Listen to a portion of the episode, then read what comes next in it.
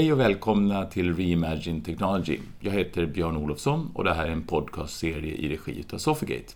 Idag har jag det stora nöjet att vara på Arken, Postnords huvudkontor här i Solna, tillsammans med Björn Ekstedt som är CIO på Postnord. Välkommen!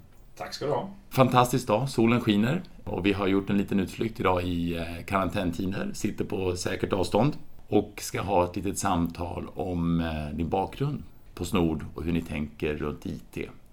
Kan vi börja och titta lite grann på din bakgrund? Jag läste på lite innan, du har ju en fantastiskt spännande bakgrund med Försvarsmakten och du har varit på Sandvik och Vattenfall och, och, eh, och gud vet vad. Kan du inte berätta hur du kom sig att du hamnade här och lite grann om eh, dina val du har gjort längs vägen? Vi kan börja långt tillbaks i tiden när jag var ung. Inte så studieintresserad men dock tekniskt intresserad. På lite olika omvägar så landade jag in i, i flygvapnet. Jobbade som teknisk officer och flygtekniker. Sen insåg jag efter lite tag att eh, jag var nog lite mer studiemotiverad än så och läste en civilingenjörsutbildning. Och då kunde man bli flygingenjör i Försvarsmakten. Så då blev jag, det var en särskild intagning till det parallellt. Och då blev jag antagen som flygingenjör och jobbade som eh, ansvarig för vårt Viggen-system bland annat och andra frågor under ett antal år. Väldigt tekniskt. Jag brukar säga så här att många kan ju programmera eller konfigurera nätverk och annan teknisk kunskap när det gäller IT. Det har inte jag, men jag kan byta jetmotor på ett stridsflygplan. Så att där har jag min, min bas. I, I vilket fall så lite vidareutbildning och karriär i Försvarsmakten så gjorde jag faktiskt mitt första karriärsskifte eh, vid år 2000 någonstans. Och då, då började jag jobba med eh, egentligen styrning och ledning i försvaret och till slut blev jag chefscontroller för Försvarsmakten vilket jag då var i, i fem år.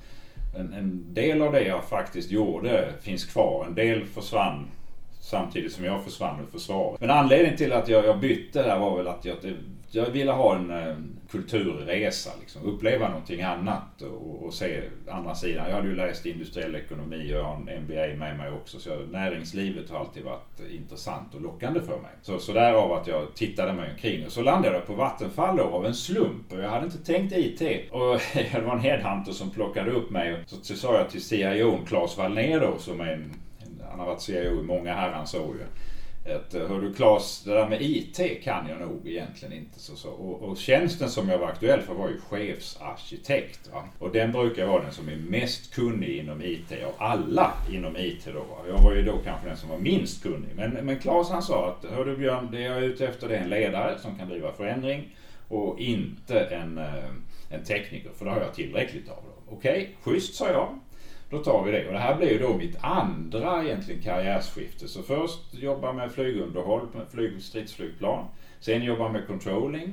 Och sen nu då över till IT och detta var 2007 som jag landade in på Vattenfall. Och det var en ganska intressant resa därför att eh, från att ha legat lite grann i karriärspåret i Försvarsmakten så blev man som nedflyttad till ja, en ganska okänd person. Och i en stor organisation, försvaret kände jag alla. Här kände jag ingen. Och det var bara att börja om igen på något sätt karriärsmässigt och liksom att bygga upp sin, sin IT-karriär utifrån den här positionen då. Dessutom när man inte kan någonting så det första jag fick säga till mina kollegor, hörni, eh, ni får hjälpa mig för att eh, det, det här tekniska det är inte jag bäst på men om vi hjälps åt och bygger upp en eh, arkitekturcommunity tillsammans va, så ska det säkert bli bra. Och genom att vara öppen med det jag kunde och det jag inte kunde så, så tror jag att jag fick en viss eh, respekt och, och samarbetet funkar bra. Så när jag kom var väl arkitekturfunktionen på hela Vattenfall, det fanns alltså fickor av den. Men den var inte sammanhållen på ett bra sätt och den var framförallt inte strategisk. Men jag tror jag fick ihop det på tre år när jag var chefsarkitekt. Ganska bra. Vi lyfte det där rätt ordentligt faktiskt eh, ur många aspekter. Så det var en rolig resa. Sen fick jag ju andra jobb också på Vattenfall, alltid med Claes som chef. Då. Jag var nere i Holland en sväng när vi hade köpt Nuon. Fick vi städa där lite grann. Det var intressant. Det var inget bra köp kan jag säga. Och eh, om vi ska då eh, knyta samman säcken här lite grann som jag sa med, med flygingenjörsjobbet och så. När jag blev chef för operations på Vattenfall så började jag titta på det där och vi hade rätt mycket problem med incidenter, alltså stabilitet i hela IT-miljön. Och liksom, hur ska jag hantera det här? Och då inser jag liksom att ja, men ett flygplan ska ju inte störta. Och det är ju dumt om IT stannar. Liksom det, det, är samma, okej okay, flygplan störtar så dör folk. Ofta dör inte folk om IT stannar. Men annars är liksom det ganska dramatiskt. Alltså det, det ska man undvika in i det längsta. Och då inser jag att de processer, det arbetssätt, den kultur vi hade i flygvapnet för hur säkrar du att när du faktiskt släpper upp ett flygplan i luften att det inte händer någonting. Det är samma sak som hur du säkrar kvaliteten i en IT-leverans. Det är samma kvalitetsprocesser, det är samma tänk, det är, det är samma mindset som du måste bära med dig i hela organisationen. Så det var ju bara att ta det och applicera det rätt på. Så, byt flygplan mot IT och sen var det färdigt. Va? Det var en rätt intressant resa. Det var många som kommenterade det i min eh, omgivning där. Att eh, de, de noterade så, men hur kan du kunna det här så bra med IT operations? Jag hade ju aldrig gjort det heller. Så att, men det är samma som flygsystem, IT-system, so what? Det är tekniskt. Och det är nog en ganska intressant eh, lärdom att det finns mycket synergier mellan olika områden där man kanske inte tror att de finns.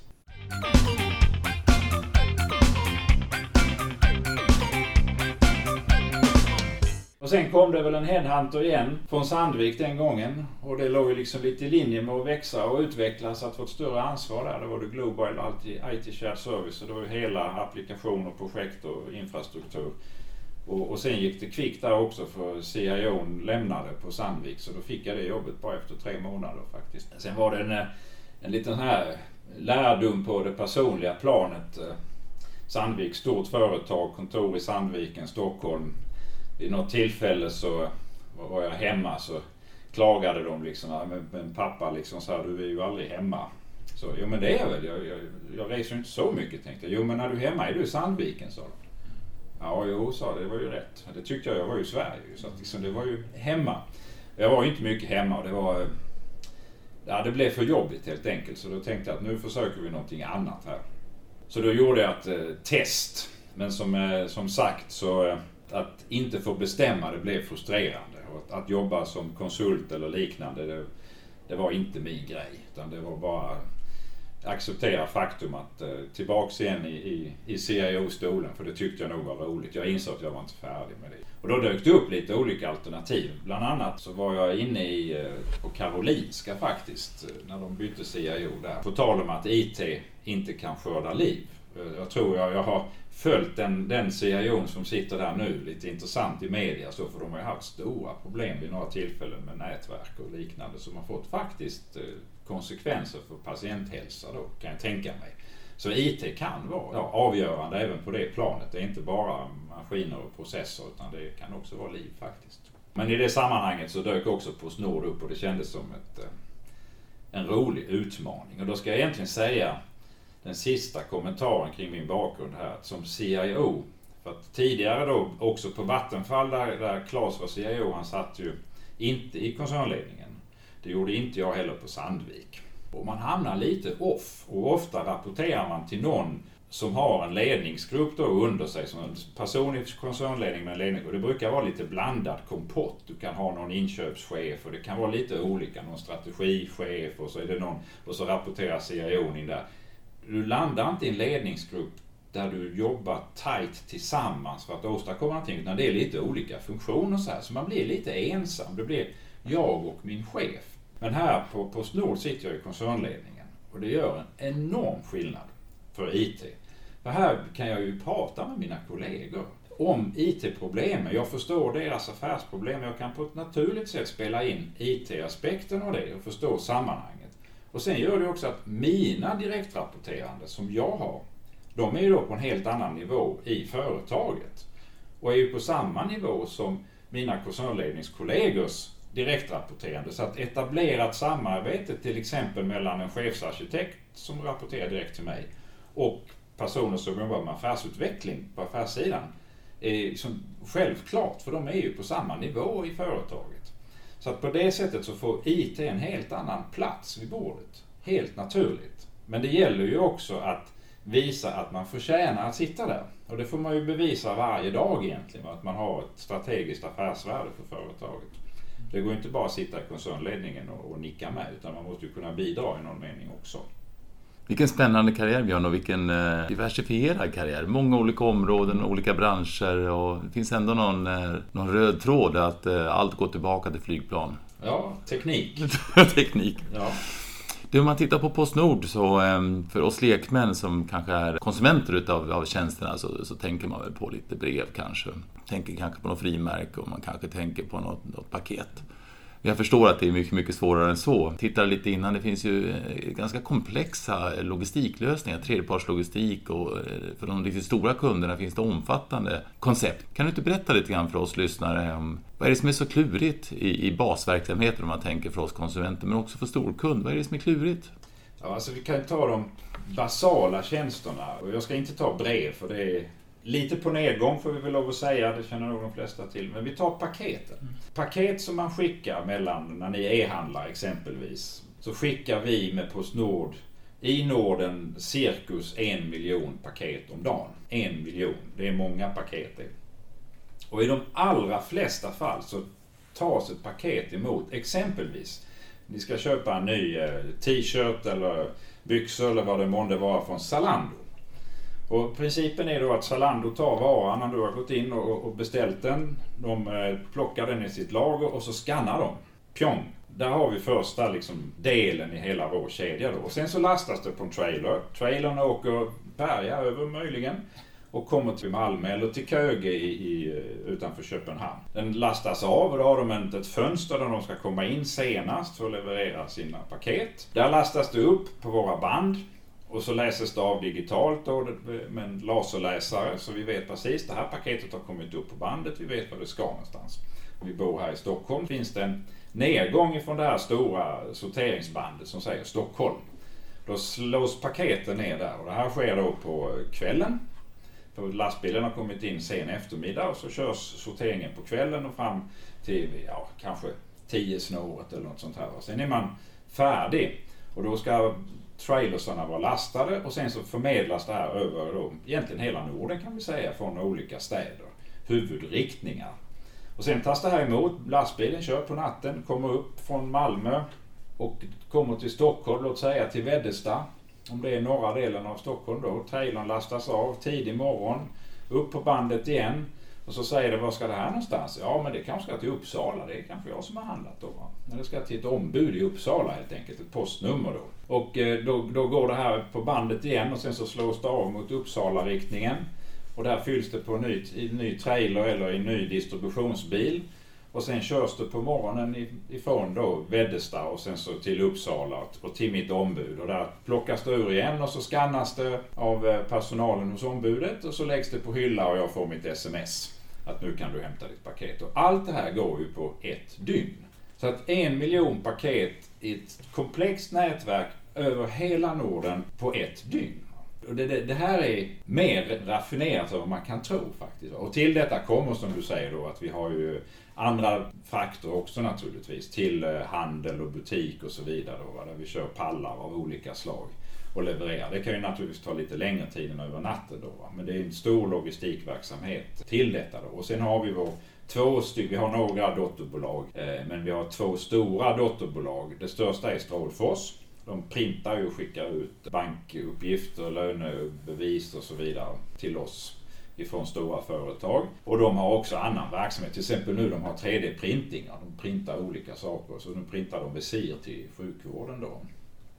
Och eh, de har också digitala lösningar alltså för integration och eh, skicka den här typen av EDI-filer och liknande då. Och de är väldigt separerade kan man säga. De, sköter, de, de jobbar eh, för sig och sen har vi då TPL, vår tredjepartslogistik, vi är den största aktören i Norden på tredjepartslogistik. Så vi kör lager åt stora företag helt enkelt. Plockar och kör ut och distribuerar deras varor till ett antal stora företag i hela Norden. Då. Men de är också en, en, man kan säga en självstående verksamhet. Va? Så att eh, det, kärnan i Postnord det är våra paket, det vi levererar till våra olika företag som du var inne på, storkunder då, och sen så breven självklart. Det är, det är kärnan i Postnord.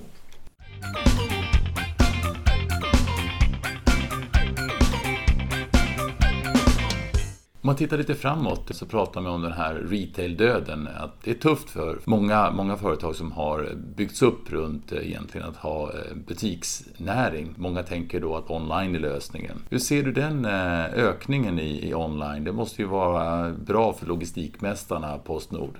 Absolut, och det är kärnan i vår framtida strategi som styrelsen beslutade faktiskt förra sommaren. Och det, den heter då Win in Parcel. Vi ska naturligtvis vara lönsamma på brevsidan och säkra en lönsam brevaffär För den är viktig för hela samhället och vårt samhällsuppdrag. Och Postnord som aktör framförallt i Danmark och, och Sverige då, där vi har brevaffärer. Men annars är det win in parcel och det är just eh, leverans från företag till oss som slutkonsumenter. Va? Vi ska växa med marknaden eller gärna med. Då. Så att det, hela det skiftet som sker är ju mycket intressant på alla sätt och vis. Från, I olika branscher. Vi ser hur det växer och hur, hur beteenden ändras hos, hos konsumenter också. Mm. Så att vi är mitt, man kan säga, vi är mitt i digitaliseringens eh, öga här va? med, med onlinehandel. Så breven digitaliseras och försvinner och å andra sidan så, så får vi nya konsumtionsmönster. Och det landar till många stycken in hos oss då. En, en liten avigsida med online är ju returer. Ja. Det måste vara lite huvudvärk, eh, i alla fall för de som eh, sitter med produkterna. Men är det också huvudvärk för er att hantera ja, returer? Det är det ju naturligtvis för att det är ett flöde som går åt andra hållet. Så det är inte helt självklart. Men vi hanterar det också och, och gör det bra. Va? Så att, eh, det är inga konstigheter med det. Vi ser ju kanske det mer ur ett hållbarhetsperspektiv då. Och man kan ju fråga sig hur, hur hållbart är det att beställa hem mycket och sen skicka tillbaka. Så att man har returer, det får vi väl acceptera. Men att bygga upp hela sin e-handel på att konsumenter ska köpa hem mycket och sen returnera kanske hälften av det eller så. Det är, långsiktigt är det inte hållbart och helst inte om det inte kostar konsumenten någonting för då, då vet vi att då överkonsumerar vi ju en tjänst. Det är ju någonting som, som Postnord jobbar med, både hållbarhetsaspekten och något som vi kallar för paketresan. Mm. Som handlar om en, en, hållbar paketleverans. Och det handlar ju inte bara om retur utan också om luft i paketen. Mm. Att det som faktiskt packas på en lastbil är varan och dess emballage som skyddar varan och inte en massa luft i paketet. Och här jobbar vi tillsammans med olika aktörer för att förbättra just paketsidan och det finns olika lösningar för det. Ska vi röra oss in till IT en stund? Jajamän. Mm. Som gammal arkitekt då så eh, kan jag tänka mig att det finns eh, några plattformar och systemlösningar som kanske har några år på nacken och samtidigt kanske ni har en eh, trend med att fokusera på några lite större moderna Enterprise-plattformar. Hur ser du på den ur ett arkitektperspektiv? Vi har ju naturligtvis legacy surprise. det, har, det har väl alla. Men det som är speciellt med Postnord och det som gör det här intressant. Jag pratade innan om exemplet Zalando och paketet som skickas från Tyskland och upp via Malmö till Stockholm och så hem till någon. Och det här skannas ju på en massa ställen. Och det hela IT-miljön på Postnord hanterar i huvudsak, det är ett digitalt flöde av EDI-information som hela tiden ska paras ihop med det fysiska paketet. Så att när paketet kommer till en terminal och åker upp på sorteringsbandet och det läses av, då måste också filerna finnas för de systemen som ska tala om var det här ska sorteras någonstans. Finns inte filerna så stannar det. Och det här kan väl låta inte så komplext men när man har hållit på i många år och byggt så har vi byggt något som är väldigt komplext. Och det är som ett stort spindelnät kan man säga. Hela den här integrationsmiljön med hur, filer skickas mellan olika system och i vilken ordning. Och ibland så talar man om att man ska byta ut legacy. Alltså vi, vi ska inte byta ut legacy. Vi ska byta ut en, liksom, hela designprincipen för hur vi hanterar information. Och, eh, så det är inte frågan om ett system eller två system eller köpa någon eh, software as a service, Salesforce, vilket vi för övrigt gör också då, eh, lösning. Utan för, för oss är det frågan om hur kan vi bygga en IT infrastruktur för vår produktion som är stabil, kostnadseffektiv och som medger en agil affärsutveckling. Det får inte ta för lång tid och när man har byggt ett komplext landskap då tar det väldigt lång tid att införa ny funktionalitet. Så lösningen är inte att peka på eh, molnbaserade Enterprise-plattformar, även om de har en funktion och jag vet att ni kör Salesforce, ni kör väl också ServiceNow och några andra saker som är moderna plattformar, men det blir som en, eh, en del utav det här nät, nätet då. Ja, och, och det mesta som vi har är ju faktiskt på ett eller annat sätt eh, egenutvecklat, det som är våra kärnsystem kan man säga. Mm. Och det är det som gör produktion på, eller, eller IT på Postnord så roligt därför att det är inte bara de administrativa stödsystemen och nätverk och så vidare utan IT här handlar om vår produktion. Det är liksom hela den tekniska setupen. Så att vi har i botten kan man säga vi har mycket avancerade IT-plattform och på det så är det terminaler och lastbilar och personal och så vidare och sorteringsmaskiner. Men alltihop är ihopkopplat. Mm. Är verkligen verksamhetskritiskt. Det är som hjärtat i, ja. och hjärnan kan man säga i, i hela eh, produktionsapparaten. Ja, och när det, när, vad som händer, det jag kommer till, komma tillbaks lite längre fram här, vi ska prata lite strategi. Vad som händer i den här miljön som vi har är att det skickas batcher med de här filerna med EDI-information där varje fil är egentligen ett paket då, som, som är på väg någonstans. Precis det du säger, det är vad händer när de här, om en sån här batch med, med EDI-information fastnar någonstans, då kan vi ju inte sortera eller distribuera eller lämna ut hos ett ombud. Och vad blir konsekvensen då? Jo, paketet blir liggande. Och om vi nu tänker oss att hela vår setup handlar om att få flöda igenom en miljon paket om dagen i Norden och betydligt för mycket fler brev, så det är egentligen samma problematik där. Om vi inte kan, för att vi inte kan sortera det här. För det första är ju volymerna så enorma så att det går inte att göra det manuellt i princip då, men till viss del. Då. Det innebär att det blir fullt i terminalerna. Ja, och skulle det här stå still länge va, så är det som det börjar åker väl taket av. Alltså, vi har ju inga lager. Vi kan inte lägga saker någonstans och vänta. Liksom. Det, det, är bara, det är alltid byggt för att det ska flöda igenom. Och det innebär ju att stanna någonting på sen eftermiddag, tidig kväll eller tidig morgon när, när, när de här sorteringarna går. Då plingar det i min telefon direkt.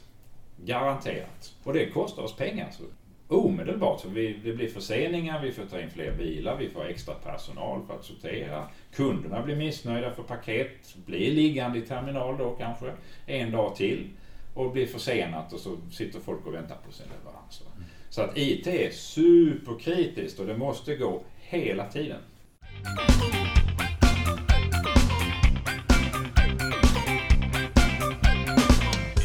Björn, jag vet att eh, ni också har varit eh, tidiga på Safe. Kan du inte berätta lite grann om det och hur eh, det kopplar till verksamheten, och hur du har fått med ditt team och vilka lärdomar du har gjort? Ja, alltså det började som eh, skunkwork och, och, vi har egentligen haft man kan säga två delar av IT lite grann. En, en, digital sida som har växt upp lite utanför den ordinarie eh, IT-organisationen på affärsutvecklingssidan då. Och där var man väldigt snabba med att applicera eh, just alltså, agila arbetstekniker, scrum och så vidare och man körde sprintar och så på en teamnivå kan vi säga. Eh, och sen kom vi i ett läge här, vi, vi inom en viss kostnadspress på, på Snord, så även IT, så det, kostnaderna ska vara ner hela tiden och rätt mycket. Och, och, jag har skruvat på min organisation. Till slut kommer man till ett läge där man säger, jag kan inte göra min organisation mindre utan att jag faktiskt gör någonting åt arbetssättet. Alltså jag måste verkligen överväga hur jag jobbar. Det var ingångspunkten för oss och sen visste vi ju sen tidigare att på den digitala sidan hade man jobbat agilt och vi hade börjat applicera det i våra team också inom områden som till exempel SAP och så vidare. Där, där jobbade de agilt redan. Men det var liksom fickor kan man säga i organisationen. Var agila, tillämpade olika delar av de här portföljen av verktyg och metoder som man har då men inget genomgripande. Men då sa vi för ja, ett år sedan ungefär. Så att okej, okay, ska vi nu dra ner IT-organisationen ytterligare och, och, höja effektiviteten, vad gör vi då? Okej, okay, då ställer vi om hela organisationen och blir agil. Och så var det en diskussion kring vilket ramverk och då landade vi i Safe, Lean Agile. Så att det är lämpligt för ett företag som Postnord. Så. Och då började vi. Och, och egentligen först diskutera organisation och struktur. Det enda jag kan konstatera efteråt var att vi inte alls fattade vad vi gjorde då. Så att vi får lov att tuna organisationen lite grann nu så här efteråt. Eh, men vi, vi omorganiserade, vi drog ner, vi satte helt nya roller på plats. Vi definierade om alla ansvarsområden egentligen inom IT. Så att de, hela organisationen på IT-sidan är då agil. Och sen så implementerade vi detta med starten 1 oktober. Och då började vi egentligen eh, utbilda massivt. Det roliga, det som hände då, först var ju koncernledningen tidigt med på detta och sa att ja, men, om ni blir agila då måste vi anpassa oss så att vi kan jobba tillsammans. Och det var väldigt intressant och roligt att jag fick en sån respons från mina kollegor direkt. Och, och sen när vi började köra utbildningarna då i oktober, då kom affärsfolket också och sa vi vill också gå era utbildningar. Och det var klart så att ni är välkomna, alltså, vi gör det här tillsammans. Och, och, när vi började sitta tillsammans och resonera efterhand som kunskapen och insikten kom vad, vad det här betyder för företaget, för IT men liksom, och hela vår förmåga att, att svara mot marknadsförändringar och annat. Så blev det naturligt i våra diskussioner i koncernen när vi sa att ja, hela Postnord ska bli agilt i, i vår produktutveckling. Då. Och koncernchefen var väldigt snabb med att acceptera och, och ställa sig bakom det här och, och, trycka på sig att nu ska vi bli agila. Liksom. Det var ingen diskussion. Jag tror inte vi tog upp det som ett formellt beslut ens en gång, utan det bara kom av sig själv. Liksom. Det blev en naturlig resultat av de diskussioner vi hade. Hur kan vi göra det här? Vad innebär det? Och så vidare. Så det är klart vi ska bli agila. Och eh, vissa delar, vi jobbar ju landsbaserat, liksom som i Norge till exempel, den norska landschefen, han var tidigt väldigt snabb och sa direkt till oss, nu kommer ni hit och så utbildar ni min ledningsgrupp, alla mina affärschefer, de som är relevanta och ska kunna förstå vad agilt är. Och vi ska bli agila, som så är det bara. Så, och så diskuterade vi om fortsatt utveckling i Safe Agile på portföljnivån då. Och, och kunna skriva epics och stories och så vidare som är då strategidelen av det här. Så han, ja, den ska vi också ha i vår ledningsgrupp i Norge och jag vill förstå vad det här är. Och så sa han till mig, inte för att jag kommer skriva epics och liknande då, alltså strategier för den utveckling som ska ske. Men jag vill förstå vad det är så jag kan leda min ledningsgrupp. Och vad jag, vad jag ska förvänta mig av dem när det gäller att skriva epics och stories och så vidare. Då. Så att liksom, bara det gick så fort. Och man tog det direkt. Då, så att det finns en ganska hög IT mognad på det sättet kan man säga i koncernledningen på Postnord. Och där man själv aktivt frågar efter och vill vara med och delta. Och jag lyfte och passade ju på här också, för jag lyfte också in aspekten med hur, hur vi styr våra investeringar. Så att det här är inte bara en fråga om att sitta och koda och göra något i team. Utan vi måste ju också ändra vår eh, investeringsprocess. Hur investerar vi i IT? Hur fattar vi beslut när vi inte längre har projekt och beslut om inga tollgates och så vidare. Och, och vår CFO hon var snabbt med på noterna och förstod direkt vad det var frågan om och vi har liksom skruvat om hela den processen också. Att jobba agilt här är inte att, att sitta i ett team och jobba med, med sprintar och ha en backlog utan det är hur ställer vi om hela företaget så att vi blir mer snabbfotade och kan svara mot de förändringar som sker på ett eh, odramatiskt sätt egentligen. Det är fantastiskt att höra dig prata om Safe och den upplevelse du har haft. Det finns ju väldigt många organisationer som gärna vill gå full agile och inte bara IT utan IT och verksamhet tillsammans eh, och har fastnat lite grann. Varför tror du man fastnar?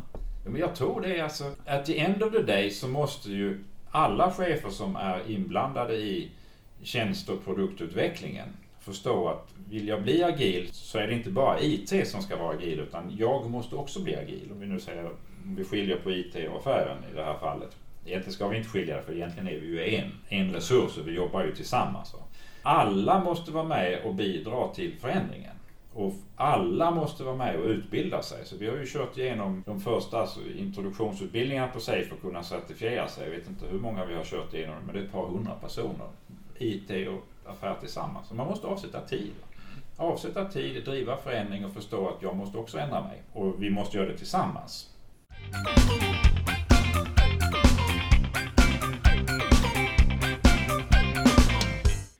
Vi pratar ju mycket om eh, förändring och vi pratar om eh, att vi alla måste förändra oss. Hur ser du på ledarskap? Hur är du som ledare?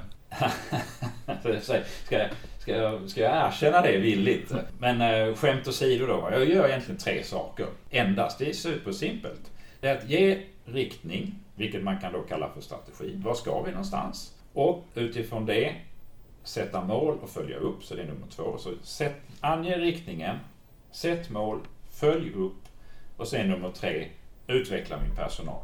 Och utveckla kan ju både vara att, att hjälpa människor att växa, coacha, man tänker ju befordra naturligtvis, hur kan folk växa i organisationen, men också att, att flytta, avveckla.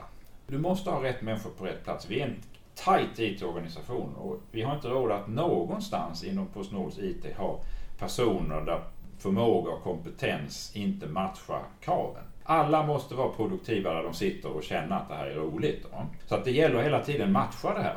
Det är egentligen en man kan säga det är en tredjedel av jobbet det också då, att bara utveckla och ta hand om hela min personal och allt vad det innebär. Bara för att komma tillbaks till de två första med att sätta riktning och följa upp. Man kan säga att följa upp är det en massa rapporter och formaliteter. Nej men det handlar det inte om, utan då handlar det om att hela tiden förstå, gör det som sker, är det rätt?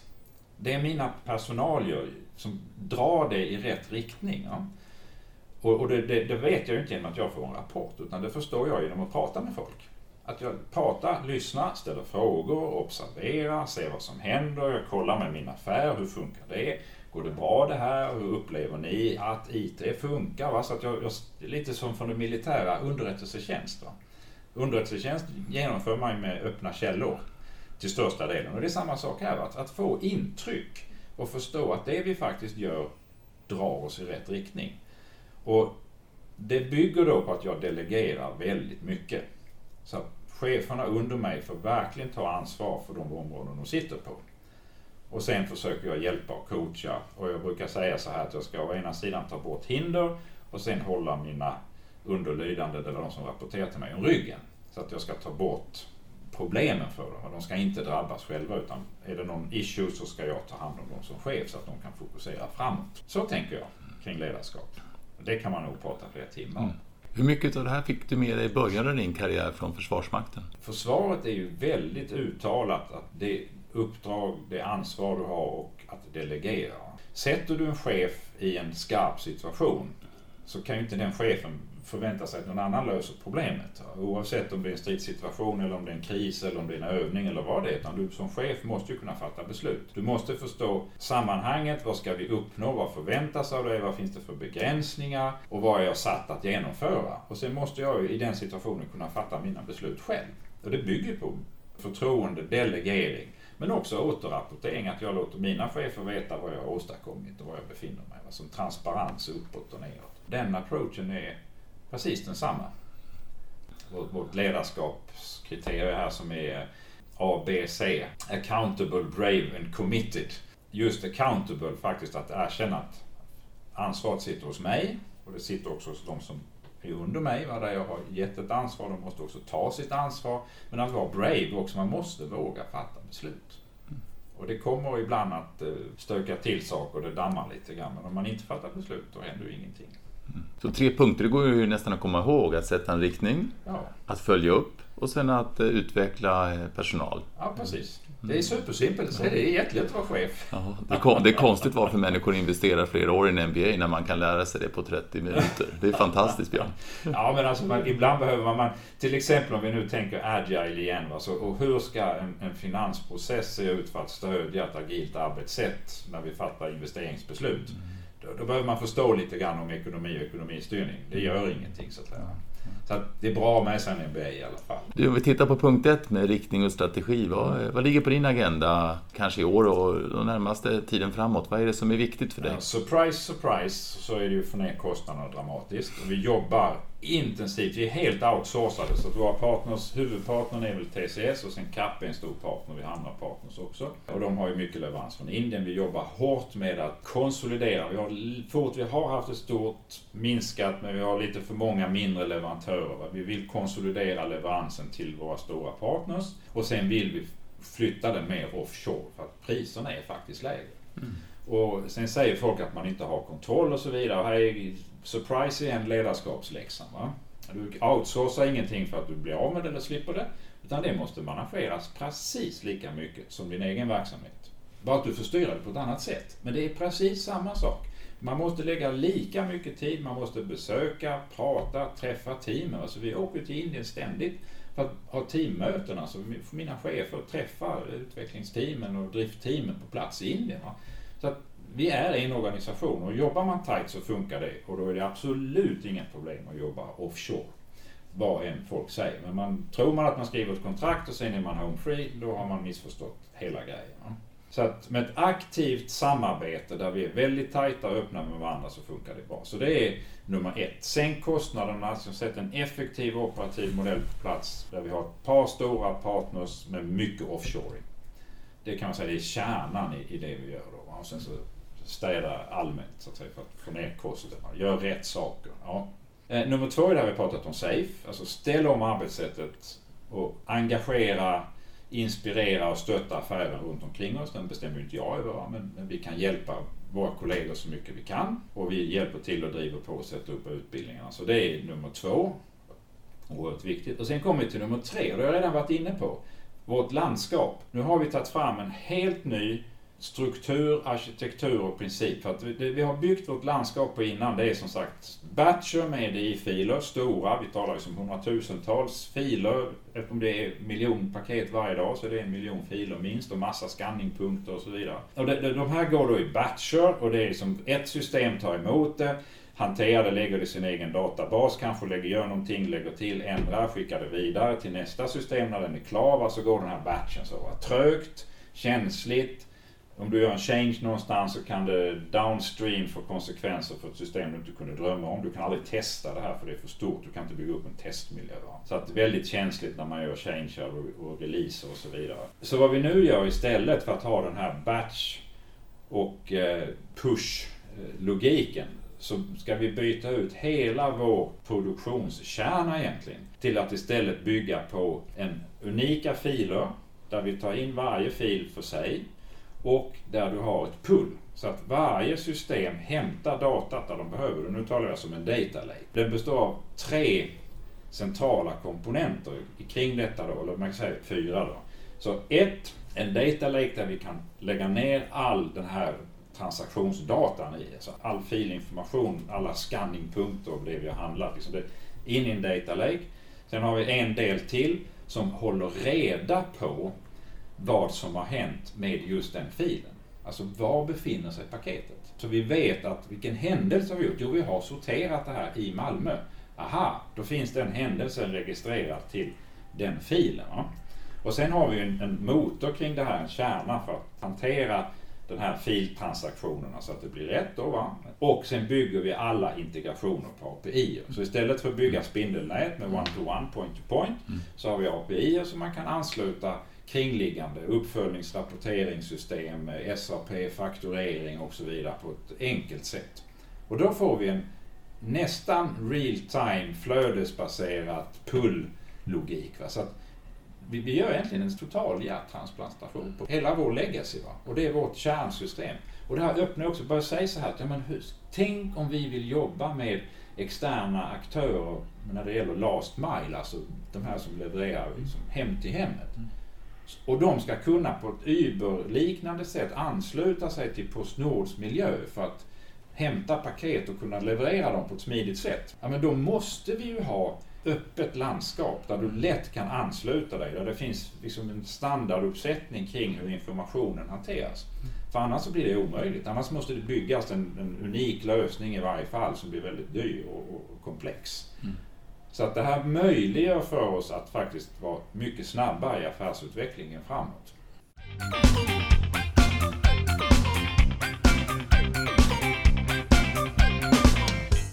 Det är fantastiskt att kunna förklara en IT-strategi på ett par, tre minuter. Först ska du få kostnadskontroll och kostnadsreduktion med smarta partners offshore. Ja. Sen ska du fortsätta safe-resan för att vara tillsammans med verksamheten helt agil. Ja. Och sen ska du ha någon typ av eh, hub and spoke API-driven arkitektur. Ja. Ja, men då så. Ja, inget konstigare än så. Du avslutningsvis Björn, eh, vad har du för råd till andra CIO? Alltså man ska ju vara lite ödmjuk. Varje företag är ju unikt. Det, det måste man förstå. Och jag tror det egentligen det är den slutsatsen som eh, man kan dra efter att ha varit på ett antal olika stora företag i alla fall. Att det går inte att föreskriva hur IT ska organiseras eller styras eller på annat sätt utan man måste förstå affärskontexten, produkterna, logiken, de leveranser som företaget gör, hur hela företaget opererar och se till att IT är väl alignat med det helt enkelt. Så att som utmaningen är nog unik överallt. Va? Sen är det ju eh, generellt med ledarskap och så vidare men det är ju inte specifikt för IT, det gäller ju oavsett var du befinner dig. Tusen tack Björn Ekstedt för din medverkan i eh, vår podcast. Fantastiskt intressant att prata med dig. Mm, tack ska ni ha. Det här är Reimagine Technology, en podcastserie i regi av Sofigate och jag heter Björn Olofsson.